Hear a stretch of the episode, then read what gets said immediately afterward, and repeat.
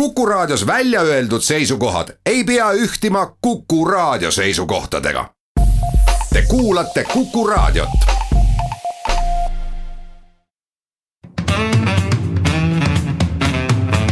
muuli ja Riikoja tere päevast, head kuulajad, kell on seitse minutit üksteist läbi ja et on reedene päev, siis on ka saate Muuli ja Riikoja aeg ja hea meel on üle kuu aja lõpuks stuudios tervitada ka Kalle Muulit, tere Kalle tere, mul ka hea meel. mina saatejuht Indrek Riiko ja alustame tänast saadet eh, isegi mitte nii väga valimiste teemaga, kuivõrd eh, uue valitsuskoalitsiooni teemaga. Reformierakond valimiste võitjana on teinud Keskerakonnale ettepaneku üheskoos valitsus moodustada ja just praegu on käimas Keskerakonna juhatuse istung, kus Keskerakond peaks otsustama, kas nad eh, hakkavad läbirääkimisi pidama või mitte saate teises pooltunnis räägime siis äh, dopinguskandaalist. Eesti suusatajad Karel Tammjärv, Valgo Karp ja Andres Veerpalu on kasutanud veredopingut ja sellega on seotud ka nende treenerid äh, Mati Alaver ja Andres Veerpalu ja saate lõpetuseks räägime ka Tallinn-Helsingi tunnelist, nimelt on täna tulnud uudis, et äh, tunneli rajajad on kokkuleppe teinud ühe Hiina fondiga, kellega sõlmitakse siis koostööleping, mille tulemusena võib olla see Hiina fond valmis investeerima tunnelisse kuni viisteist miljardit eurot. muuli ja Riikoja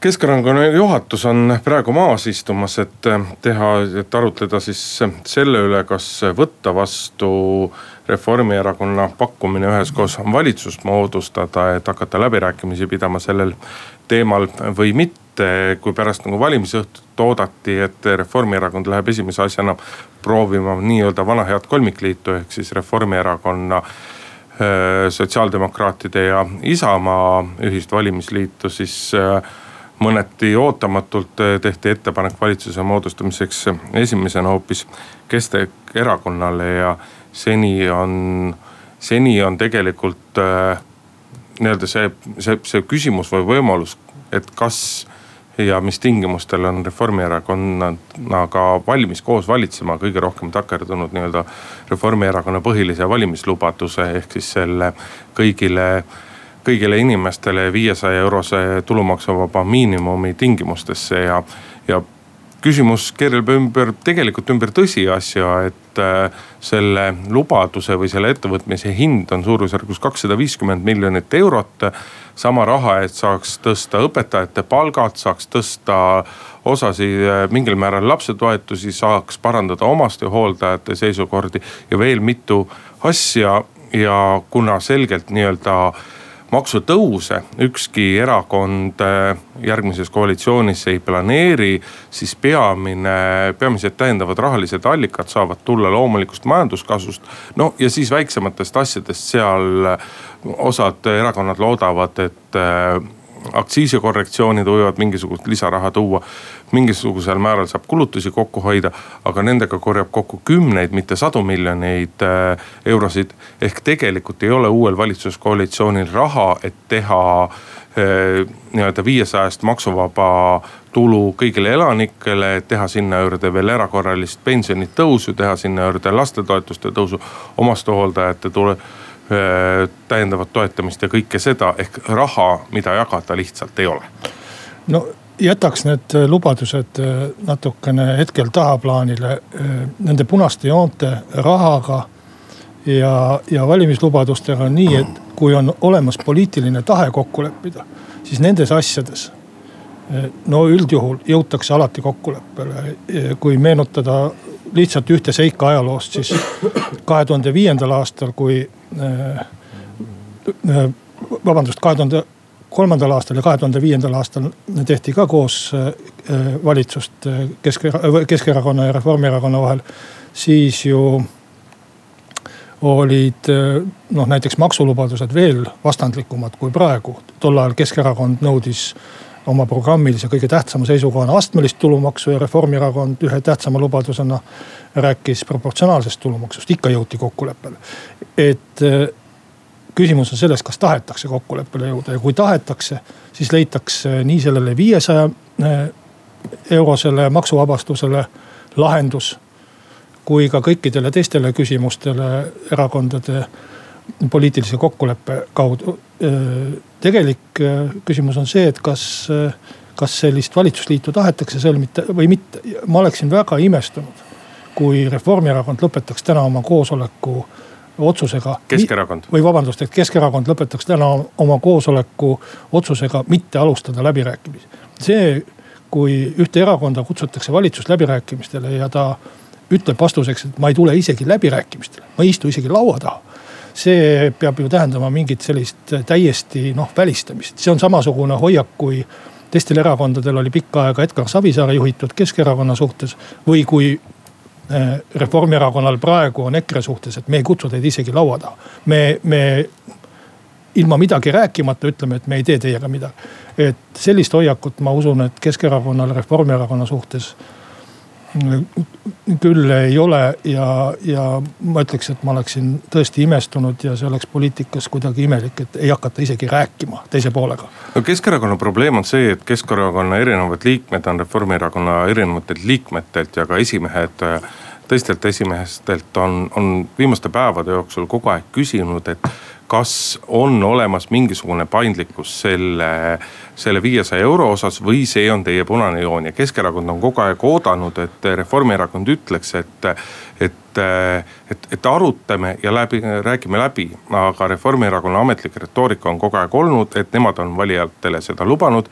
Nemad on valijatelt selle mandaadi saanud ja nemad tahavad selle kohe ära teha no. See on... ja see on Keskerakonna kõige, kõige suurem murekülg. see on juba läbirääkimised. vot see, vot just nimelt ja see ongi ja, ja, ja siin on nagu see, siin paistabki välja nii-öelda see Kaja Kallase nagu rabedus läbirääkimistel, et. et hea kolleeg Postimehest Priit Pullerits äh, heitis Kaja Kallasele ette seda, kuidas äh, kohe valimiste ööl, kui oli selge, et Kaja Kallas on võitnud, siis Kaja Kallas rangelt niimoodi resoluutselt välistas EKRE-ga koostöö tegemise. selle asemel, et öelda, et loomulikult me püüame leida lahendusi, kuidas nii-öelda teha võimalikult hea valitsus ka nende valijate heaks. et küsimus on nii-öelda selles iseenda nagu väljendamises ja, ja siin on nagu Kaja Kallas demonstreerinud rabedust ja, aga, aga ka sellised detailid võivadki saatuslikuks saada. no Reformierakonna esimees ütles seda ju tegelikult juba valimiskampaania algul, et või valimiskampaania keskel, et me ei tee EKRE-ga mitte mingil juhul ja tegelikult oleks tema poolt nagu oma valijate petmine, kui ta nüüd ütleks, et me teeme. ei, ta ei peagi ütlema, et, et me teeme peaks, EKRE-ga valitsuses, vaid ta peaks ütlema, et me mõtleme juba, ka EKRE valijatele. no küllap nad mõtlevad, aga äh, mis tingimused on need, kui Keskerakond nüüd ütleb ei Reformierakonnale, see tähendab seda, et tal peab olema mingisugune teine valitsus äh, see on siis järelikult Keskerakonna, EKRE ja Isamaa valitsus, et ta te teeb seda. no see võib sulle ju mokkamööda olla. ma arvan, et Isamaa loomulikult tahab valitsuses saada, meile meeldib kindlasti rohkem valitsuses olla, aga see sõltub ka tingimustest. ja teine asi, ega Isamaa praegu kindlasti ei karda ka opositsioonis olla.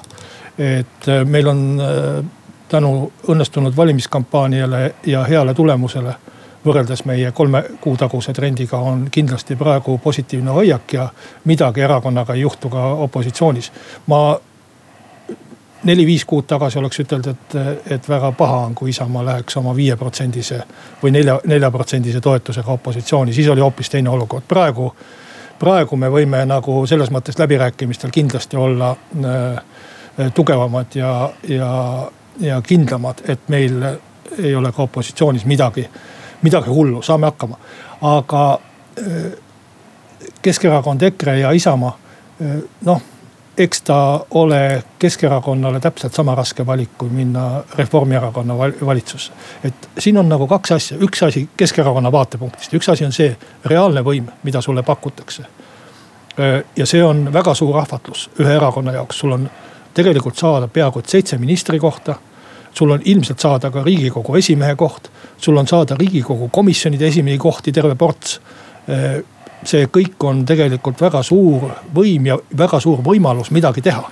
ja, ja nüüd teisest küljest on sul nagu oht, et kui ma lähen sellesse Reformierakonna valitsusse, mis minuga juhtub siis strateegiliselt kahe tuhande kahekümne esimese aasta kohalikel valimistel ja järgmistel riigikogu valimistel, kuidas Vene valija sellele reageerib. ja, ja kas ta tuleb tagasi, see on Keskerakonna jaoks väga oluline strateegiline küsimus, kuidas võita Vene valija tagasi praegu. et ilmne oli, et nad kaotasid just Vene valijate arvelt ja Eesti valijaid juurde ei tulnud. et ma ei tea, kuidas Keskerakond selle lahendab. aga, aga selge see on, et nad püüavad igal juhul valitsusse saada. Muuli ja Riikoja Läheme saatega edasi, stuudios Kalle Muuli ja Hendrik Riikoja, sa ennem ennist äh, püstitasid küsimuse, et kuidas Keskerakond nii-öelda, mida Keskerakond peaks tegema selleks, et äh, järgmistel kohalike omavalitsuste valimisel Tallinnas täpselt äh, samal positsioonil on. ja opositsiooni jäämine niivõrd kummaline või kentsakas, kui see ka ei tundu, võib tegelikult KOV-i valimiste kontekstis Keskerakonna kasuks mängida, sellepärast et Keskerakonnale on väga selge see, et jah, tal on kaks kohta, tal on Ida-Virumaa, aga tal on Tallinn. Ja Taavi Aas on küll väga tubli äh, Tallinna linnapea, aga ilmselgelt nii-öelda Taavi Aasa juhtimisel äh, Tallinna linnas järgmistel KOV-i valimistel äh, nii-öelda üksikvõimu ei saavutata ehk, ehk kõige rohkem häält ja, ja, ja nii-öelda enamust volikogus ei saavutata, et selles kontekstis ei oleks sugugi paha mõte jääda opositsiooni ja suunata esimees, Keskerakonna esimees Jüri Ratas Tallinna linnapeaks Taavi Aasa asemel ja Taavi Aas tuua näiteks riigikokku. seepärast, et äh, siis saaks teha lisaks veel Keskerakonnale tuleks kaasa teatav selline märtrioreool just nimelt vene valija silmis. mis kõiges, mis, mis aitaks kaasa seda nii-öelda Keskerakonna Tallinna positsiooni parandamisele. no mina arvan seda, et äh, ega valitsuse tegemine praegu Keskerakonna seisukohast ei välits-, ei välista nende opositsioonis olemist tulevikus. ma tahan ütelda seda, et nad võivad äh, väga vabalt äh, kahe aasta pärast ütelda, et äh, Reformierakond ei oska üldse valitseda.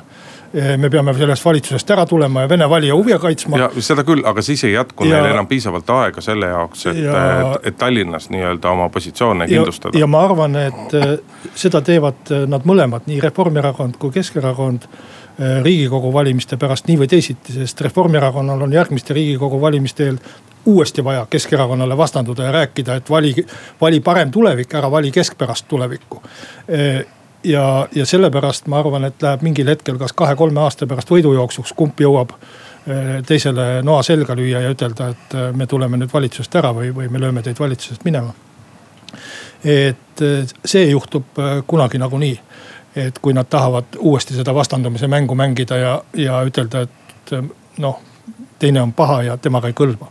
ja seda tehakse nagu valijate võitmiseks, ma arvan, nii või teisiti. mis mulle meeldiks, aga mis võib mitte tõeks osutuda, osutuda või, või mis võib mitte õnnestuda, on see, et ma tahaks tegelikult, et EKRE pääseks valitsusse Äh, äh, tahaksid sellepärast, et siis saaks ka sinu koduerakond valitsusse, sest et teisiti ei ole see võimalik. Äh, jah, kahjuks ta teisiti või õnneks või ei ole teisiti võimalik, aga, aga ma rääkisin just EKRE seisukohast, mitte oma koduerakonna seisukohast. loomulikult ma tahan seda ka, et Isamaa pääseks valitsusse, sest selle jaoks me kandideerisime ja selle jaoks me oma programme koostasime ja nii edasi.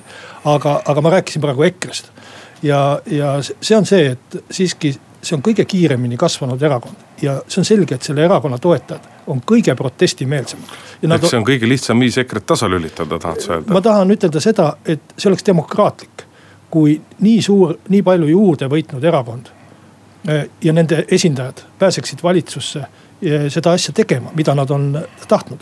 et kui EKRE jääb eh, eh, opositsiooni, siis on selge, et see protest ei vähene et see protest pigem kasvab, kui, kui, kui väheneb. ja, ja ma arvan, et see ei ole mõistlik hoida kogu aeg noh, sellist äh, survet äh, rõhu all. et tegelikult peaks andma võimaluse seda poliitikat teostada, mida EKRE lubab ja, ja tahab ja mida tema valijad tahavad. seal taga on ju üks viiendik Eesti äh, valijatest. ma ei saa irooniliselt muidugi märkimata jätta, et, äh, et, et olles sinu raadiosaadete väga pikaajaline kuulaja. ennem kui me hakkasime koos raadiosaadet tegema, siis äh, seda, et omal ajal Keskerakond korduvalt valimisi võites jäi valitsusest välja, pidasid sa ka täiesti demokraatlikuks. no praegu EKRE ei võitnud. et need asjad selles mõttes ei lähe päris hästi kokku. Nende aga..., nende, nende juht Edgar Savisaar sai raha Venemaalt.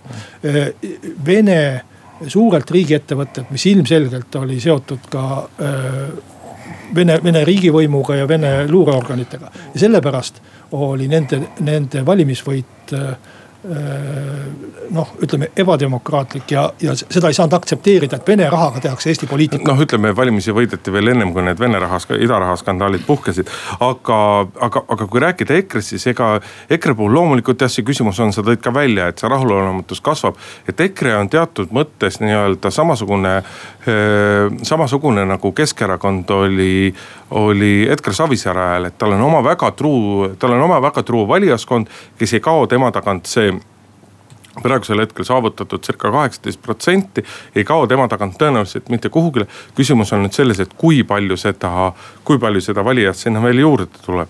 aga, aga kui me räägime jah, nii-öelda EKRE võimalustest pääseda valitsusse, siis äh, jah, üks võimalus on kuskil kahe, kahe poole aasta pärast. aga kui nüüd tänane koosolek ikkagi peaks minema, Keskerakonna koosolek peaks minema seda teed, et äh, Keskerakond otsustab loobuda Reformierakonnaga valitsuskõneluste pidamisest.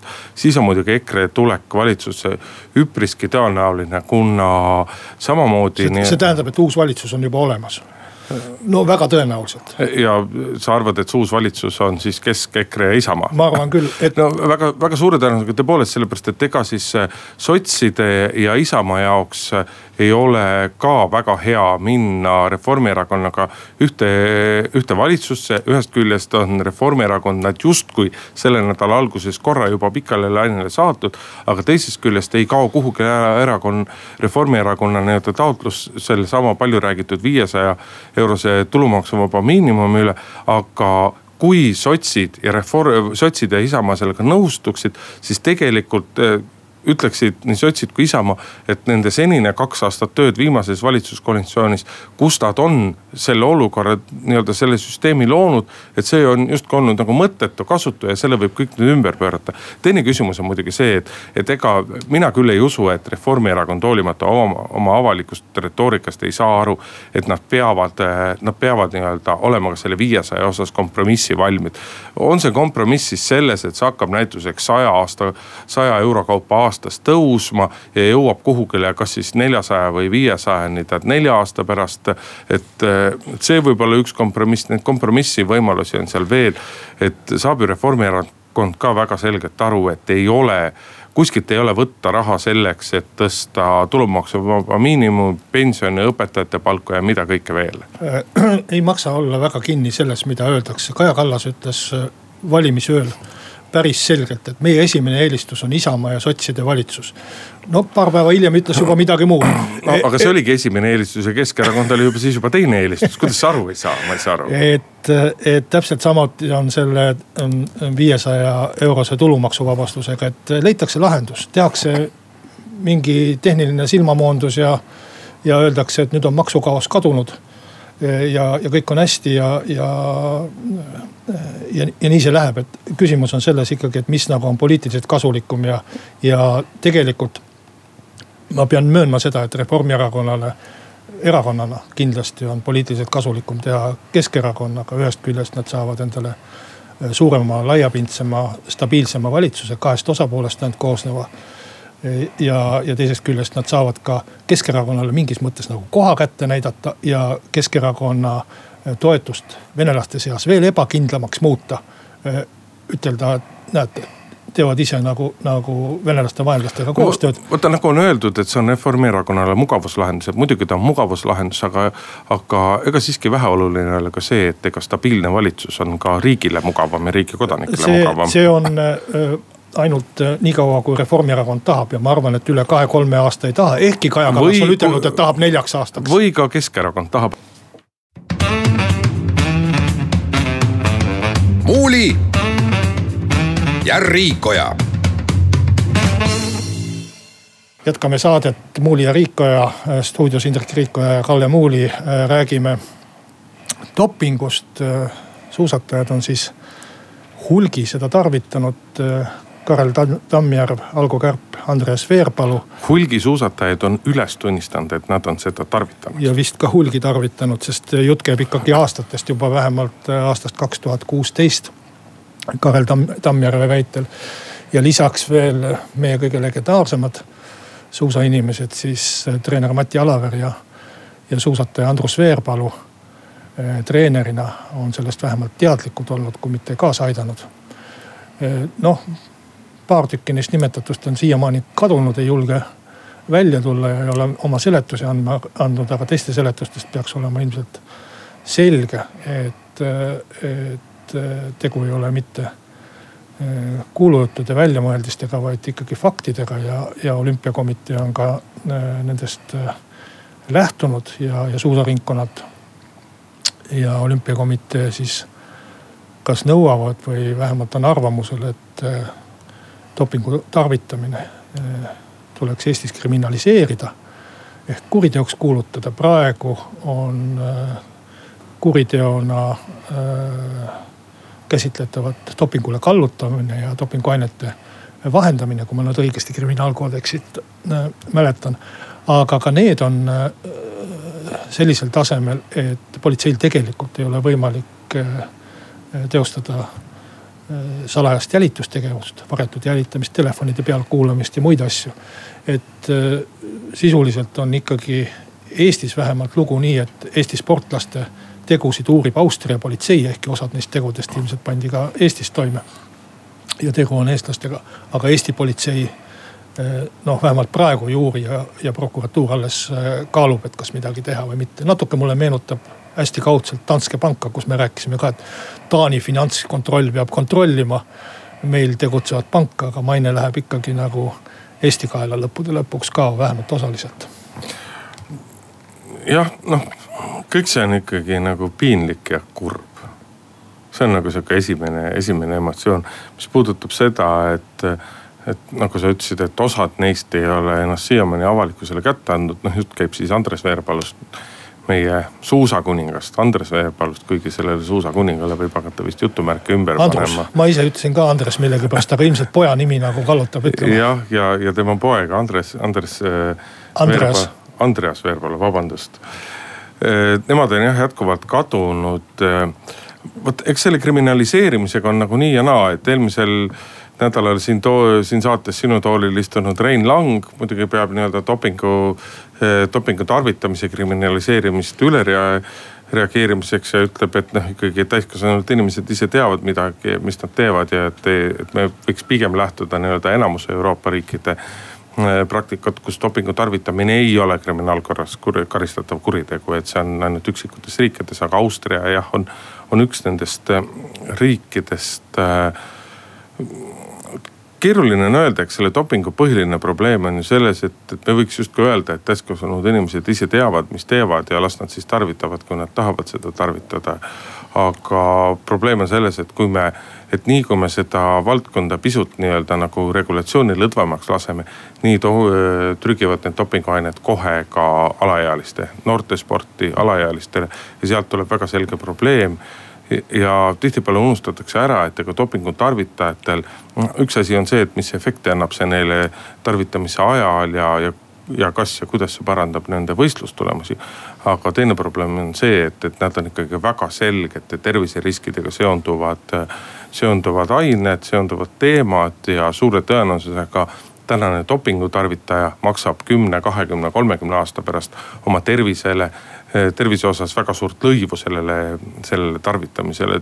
sestap noh, see ei ole nagu nii lihtne, et täiskasvanud inimesed ise teavad, mis tahavad, joogu või surnuks. et noh, ei lase me kellelegi hea meelega ennast surnuks juua ja ei peaks laskma ka ennast nii-öelda surnuks dopingut, eh, dopingut süstida. aga kui nüüd rääkida sellest konkreetsest Eh, dopingu juhtumist, siis eh, ühest küljest järsku tahaks öelda, et on väga hea, kuidas on käitunud Suusaliit ja Eesti Olümpiakomitee. ka vabariigi president teatas eh, nädala alguses, et ta on otsustanud Mati Alaverilt ära võtta kaks talle antud teenetemärki, üks Valge Tähe, teine Punase Risti teenetemärk Eesti Olümpiakomitee heitis oma ridadest välja nii Andrus Veerpalu kui Mati Alaveri, võttis neilt ära EOK äh, teenetemärgid on vist seda niimoodi õige öelda, treeneri litsentsid võeti neilt ära. et ühest küljest on selline resoluutne käitumine hea, teisest küljest ega meil muidugi ju liiga palju nagu fakte teada ei ole, et meil on, meil on mõne suusasportlase ülestunnistus aga nendest suusasportlaste ülestunnistustest muidugi paistab väga selgelt välja see, kuidas ka neid ülestunnistusi orkestreerib ikkagi Mati Alaver ise. väga täpselt on mõõdetud, kes midagi, kes mida ütleb, kes mida kellele ütleb, ajakirjandus on ju käinud, käinud, ajanud taga Mati Alaveri on ju nähtud, kus seisavad autod, näha on, et, et Mati Alaver on suhelnud ja ka suusasportlased ise on tunnistanud, et on Mati Alaveriga suhelnud ja Mati Alaveriga läbi rääkinud selle, mida nad ütlevad ja mida nad ei ütle. et äh, nii-öelda tema halli kardinali staatus ei ole mitte kuhugile selle skandaali ajal kadunud ja sellest on vaata et kõige rohkem kasu, et need et need tänased suusasportlased ja ka need endised suusasportlased, kelle tegevusele on nagu kahtlusevarju heidetud. Need jätkuvalt on ikkagi nii tugevalt Mati Alaveriga seotud ja nad ikkagi nii palju sõltuvad Mati Alaverist.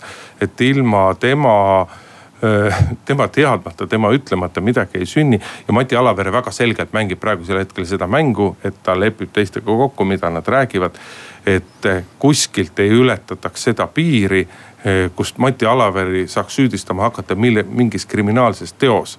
ja ei ole ju avalikkusele ka saladus, et Mati Alaveri väga hea sõber on vandeadvokaat Aivar Pilv, kes otseselt ei ole ka ise eitanud, et tal on Mati Alaveriga ka nii-öelda lisaks sõbrasuhetele ka kliendisuhe jah, ma arvan, et need olümpiakomitee ja presidendi ja, ja kõik muud sammud on asjakohased ja, ja adekvaatsed aga, aga minu küsimus äh, äh,.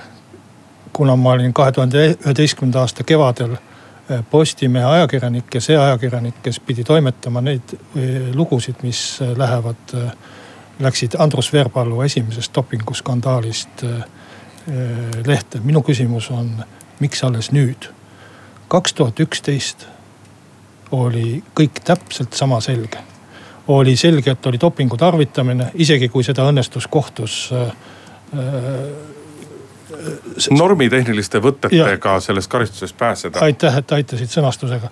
tahtsin ka viisaka sõnastuse välja mõtelda äh, sest ma torkan vahepeale, et, et, et ärme unusta seda, et, et Andrus Veerpalu dopingusaaga ei lõppenud mitte sellega, et oleks öeldud, et Andrus Veerpalu ei tarvitanud dopingut. pigem ütles eh, toona spordiarbitraaži kohus, et Andrus Veerpalu tarvitas dopingut, aga mõõtesüsteem ei olnud korrektne ja sellepärast pääses ta karistusest. kõik, kõik oli tol hetkel selge ja selge oli ka see, et, et Mati Alaver oli sellega seotud. Ja mis, mis siis toimus, ma mäletan seda hästi, sellepärast et need olid ikkagi ühed kõige karmimad hetked mu ajakirjanduskarjääris.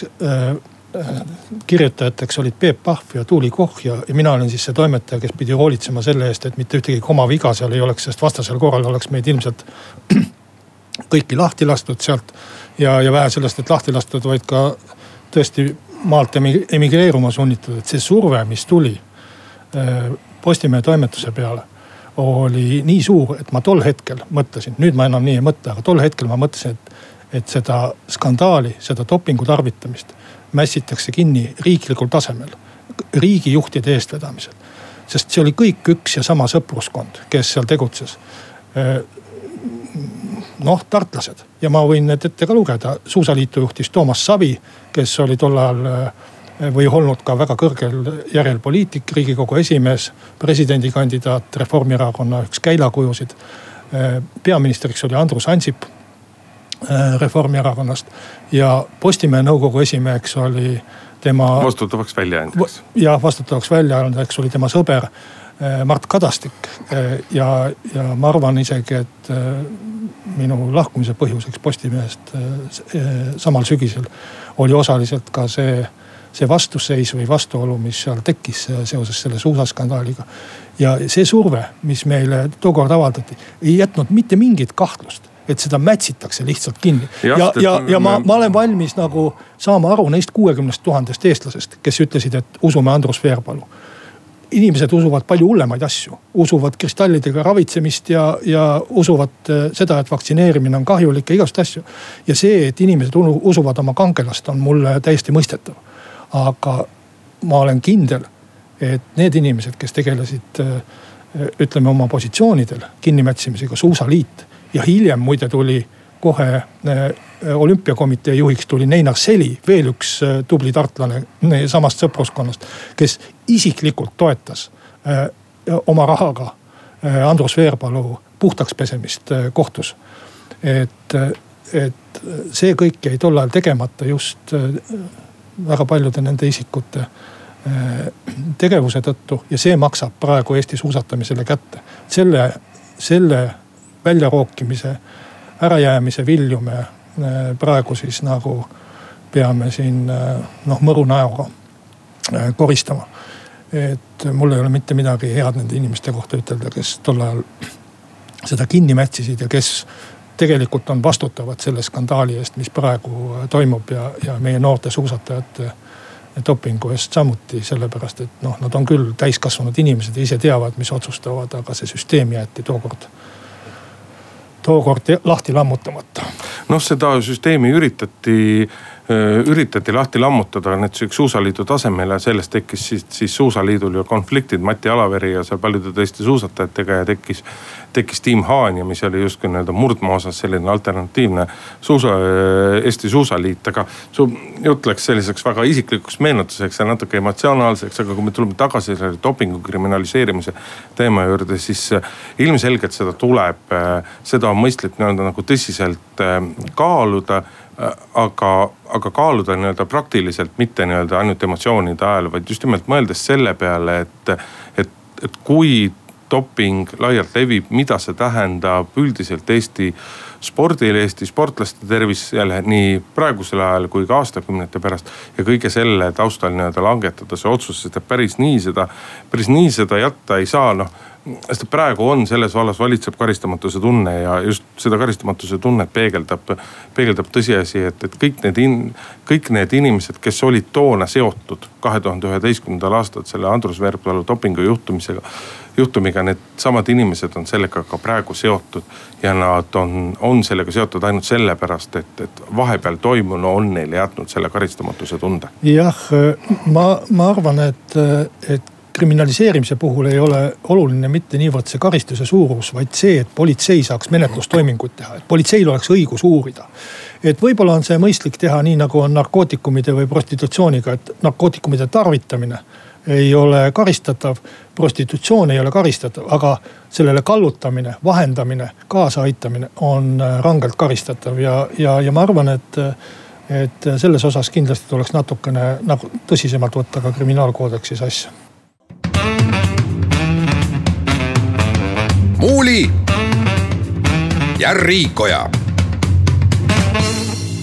Läheme oma saatega edasi ja saate viimeses osas räägime pisut Tallinna-Helsingi tunnelist, et see teema oli siin eelmisel aastal üksjagu palju üleval ja eile siis eh, tuli teade, et Hiina fond eh, Touchstone Capitals Partners on valmis investeerima Tallinn-Helsingi tunnelisse viisteist miljardit eurot selle tunneliprojekti kogumaksumusena. on räägitud viieteistkümnest kuni kahekümnest miljardist eurost ja, ja, ja see uudis siis põhineb tõsiasjal, et eh, seda tunneli vedamist Soome poolt või tunneli rajamist Soome poolt vedav Peter Vesterbacka juhitav Finest Bay Area Development OÜ on siis Touchstone Capital Partners Limitediga sõlminud eh, kavatsuste protokolli pooleaastase tähtajaga, millega siis öeldakse, et, et Hiina investeerimisfond on valmis nii-öelda veerandi tunneli maksumusest panema omakapitalina ja ülejäänud osa raha andma aga kõige selle taustal siiski jätkuvalt on üleval see küsimus, et kellele ja milleks on seda tunnelit vaja, sest et kui me mõtleme sellele, kui me mõtleme sellele tunneli hinnale, et peame siis meeles, jutt käib ju tegelikult tunnelist, kust on nii-öelda, kust läheb kaks rööpapaari ühes suunas paneb üks rong, teises suunas paneb teine rong. see rong vajab, veab reisijaid ja mingisugusel määral ka kaupa. et kui me mõtleme selle tunneli hinna, hinnaga, siis see oli siin mõni nädal tagasi, kas vist veebruaris, kui Tallink Grupi juhatuse esimees Paavo Nõgene, kes selgelt on nii-öelda nagu huvitatud osapool ja tema kui laevafirma juhi huvides ei ole selle tunneli kerkimine, ütles väga õigesti, et kui me vaatame, kui me mõtleme sellele, mis selle tunneli nii-öelda üleval hoidmine, üleval pidamine iga-aastaselt maksta võiks ja liidame sinna juurde ka veel, liidame sinna juurde ka veel selle tunneli rajamise maksumuse, et siis laevafirmad oleks sellise raha eest valmis aastakümneid tasuta inimesi ja, ja osaliselt ka kaupa üle lahe vedama. et kuidas see raha nagu tagasi teenida et sellest on nagu keeruline aru saada jah, et võib-olla viiekümne või saja aasta perspektiivis see projekt tasub ennast ära, aga üks nii-öelda nagu majanduslik projekt ei saa ei saa päris selline olla, et, et Peeter Vesterbraka ikka muidugi väga selgelt loodab, et ka, ka Eesti ja Soome riigid tulevad selle projekti taha ja tulevad arvesta-, arvestatavate rahaliste panustega selle projekti taha, aga kas see riigi huvides ka tegelikult on, ma ei ole selles päris kindel. no Raivo Vare, kunagine riigiminister ja praegune ärimees on nimetanud äh, seda tänast uudist sajandi uudiseks Eesti jaoks ja tõesti. no need summad on nii hoomamatud, et äh, viisteist miljardit, et ma toon sellise võrdluse. poolteist riigieelarvet. et äh, jah, see on, see on suurem kui Eesti riigieelarve. ja, ja peaaegu poolteist Eesti riigieelarvet, aga, aga kui me mäletame oma hiljutist kavandatavat investeeringut, mis oli tselluloositehasesse mõeldud, see oli siis üks miljard ehk siis viisteist sellist tselluloositehast äh, on ootel, Eesti eriplaneeringu ootel, mis, äh, mis me, äh, mille, mille me siis nüüd tagasi lükkasime. et noh, kui nii suur raha sõlmib mingisuguse lepingu ja, ja paigutatakse kuhugi, siis see kindlasti on väga läbi kaalutud ja, ja on läbi mõeldud, kust see raha tagasi tuleb. vot siin ma natuke see, tahaks sulle vastu vaielda, aga lõpeta oma mõtte ära. ja, ja et, et kui ta kui ta on ärilistel kaalutlustel, et siis ta kindlasti on, on äh, läbi kaalutud. loomulikult või, võidakse teha vigu, võidakse eksida arvestustes, mis iganes. nii nagu äris ikka äh, juhtub aeg-ajalt. aga noh, teine võimalus on, et ta on poliitilistel kaalutlustel äh, antud raha, et tal on veel mingisugune muu mõte, eesmärk, strateegiline peale selle, et teenida ennast tagasi ja tuua kasumit omanikele, ma ei tea kuidas selle äh, Touchstone Capitali äh, side on Hiina riigiga, aga seal riigis noh, vaevalt on asju, mis ei ole riigiga seotud. aga äh, ja, ja, ja mingi, mis, mis, mis laadis või kui suur see mõju ja side on. aga, aga kindlasti on nagu tähelepanuväärne see, et see raha tuleb Hiinast ja kindlasti on tähelepanuväärne ka see, et see raha ei tule Euroopast, ehk siis tegelikult Euroopa Liit kes võiks olla huvitatud sellest tunnelist ja sellest sideteest, mis oleks siis jätk ju Rail Balticule. et äh, on kas midagi maha maganud või, või on kuidagi väga skeptiline selles tunneli suhtes, erinevalt hiinlastest ja see on äh, mu meelest poliitiliselt huvitav küsimus, kui Hiina riik või, või Hiinaga seotud kapital tuleb siia Soome lahe alla tunnelit ehitama. no me ei tohi unustada seda, et äh, maailma juhtiv majandus tänasel hetkel on Ameerika Ühendriigid, aga kõige suurem ambitsioon saada maailma juhtivaks majanduseks on ilmselgelt Hiina riigil. ja Hiina riik on väga aktiivselt läbi erinevate fondide, ettevõtete, kas siis otseselt või kaudselt. Aafrikas on ta väga palju nii-öelda mõjuvõimu omandanud, tegelikult ta on Euroopas ka väga palju mõju omandanud. ja selge see, et ka selline, ka selline projekt ei ole mitte ainult majanduslik projekt, vaid on, vaid on Hiina jaoks väga selge nii-öelda oma mõjujõu suurendamise, suurendamise projekt. ja see on tegelikult asi, mille pärast me peaksime ka sellistesse rahastajatesse suhtuma ka nagu mõnevõrra nii-öelda nagu ettevaatlikumalt ja, ja nende suhtes märksa kriitilisemad olema kui lihtsalt mõne Euroopa Liidu investeerimis fondi peale.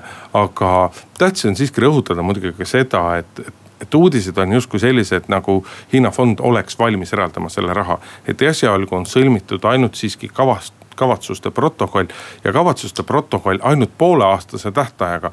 ilmselge on see, et selle jaoks, et seda tunnelit Tallinna ja Helsingi vahele ehitama hakata, selleks läheb aastaid ainuüksi erinevate keskkonnamõjude uuringutele ja millele kõigele veel, et tegemist ei ole, kuigi Peeter Vesterbaka on öelnud sihuke kõige optimistlikumalt tes plaanides, et juba umbes kaks tuhat kakskümmend üks või kakskümmend kaks võiksid esimesed rongid Tallinna ja Helsingi vahel vohada mööda tunnelit. no eestlased et, ei saa eriplaneeringut eriplaneeringut selleks ajaks kindlasti menetletud. no just nimelt, eks ole, ei ole selleks ajaks veel tõenäoliselt kokku lepitud, kas üldse seda eriplaneeringut tuleb või mitte.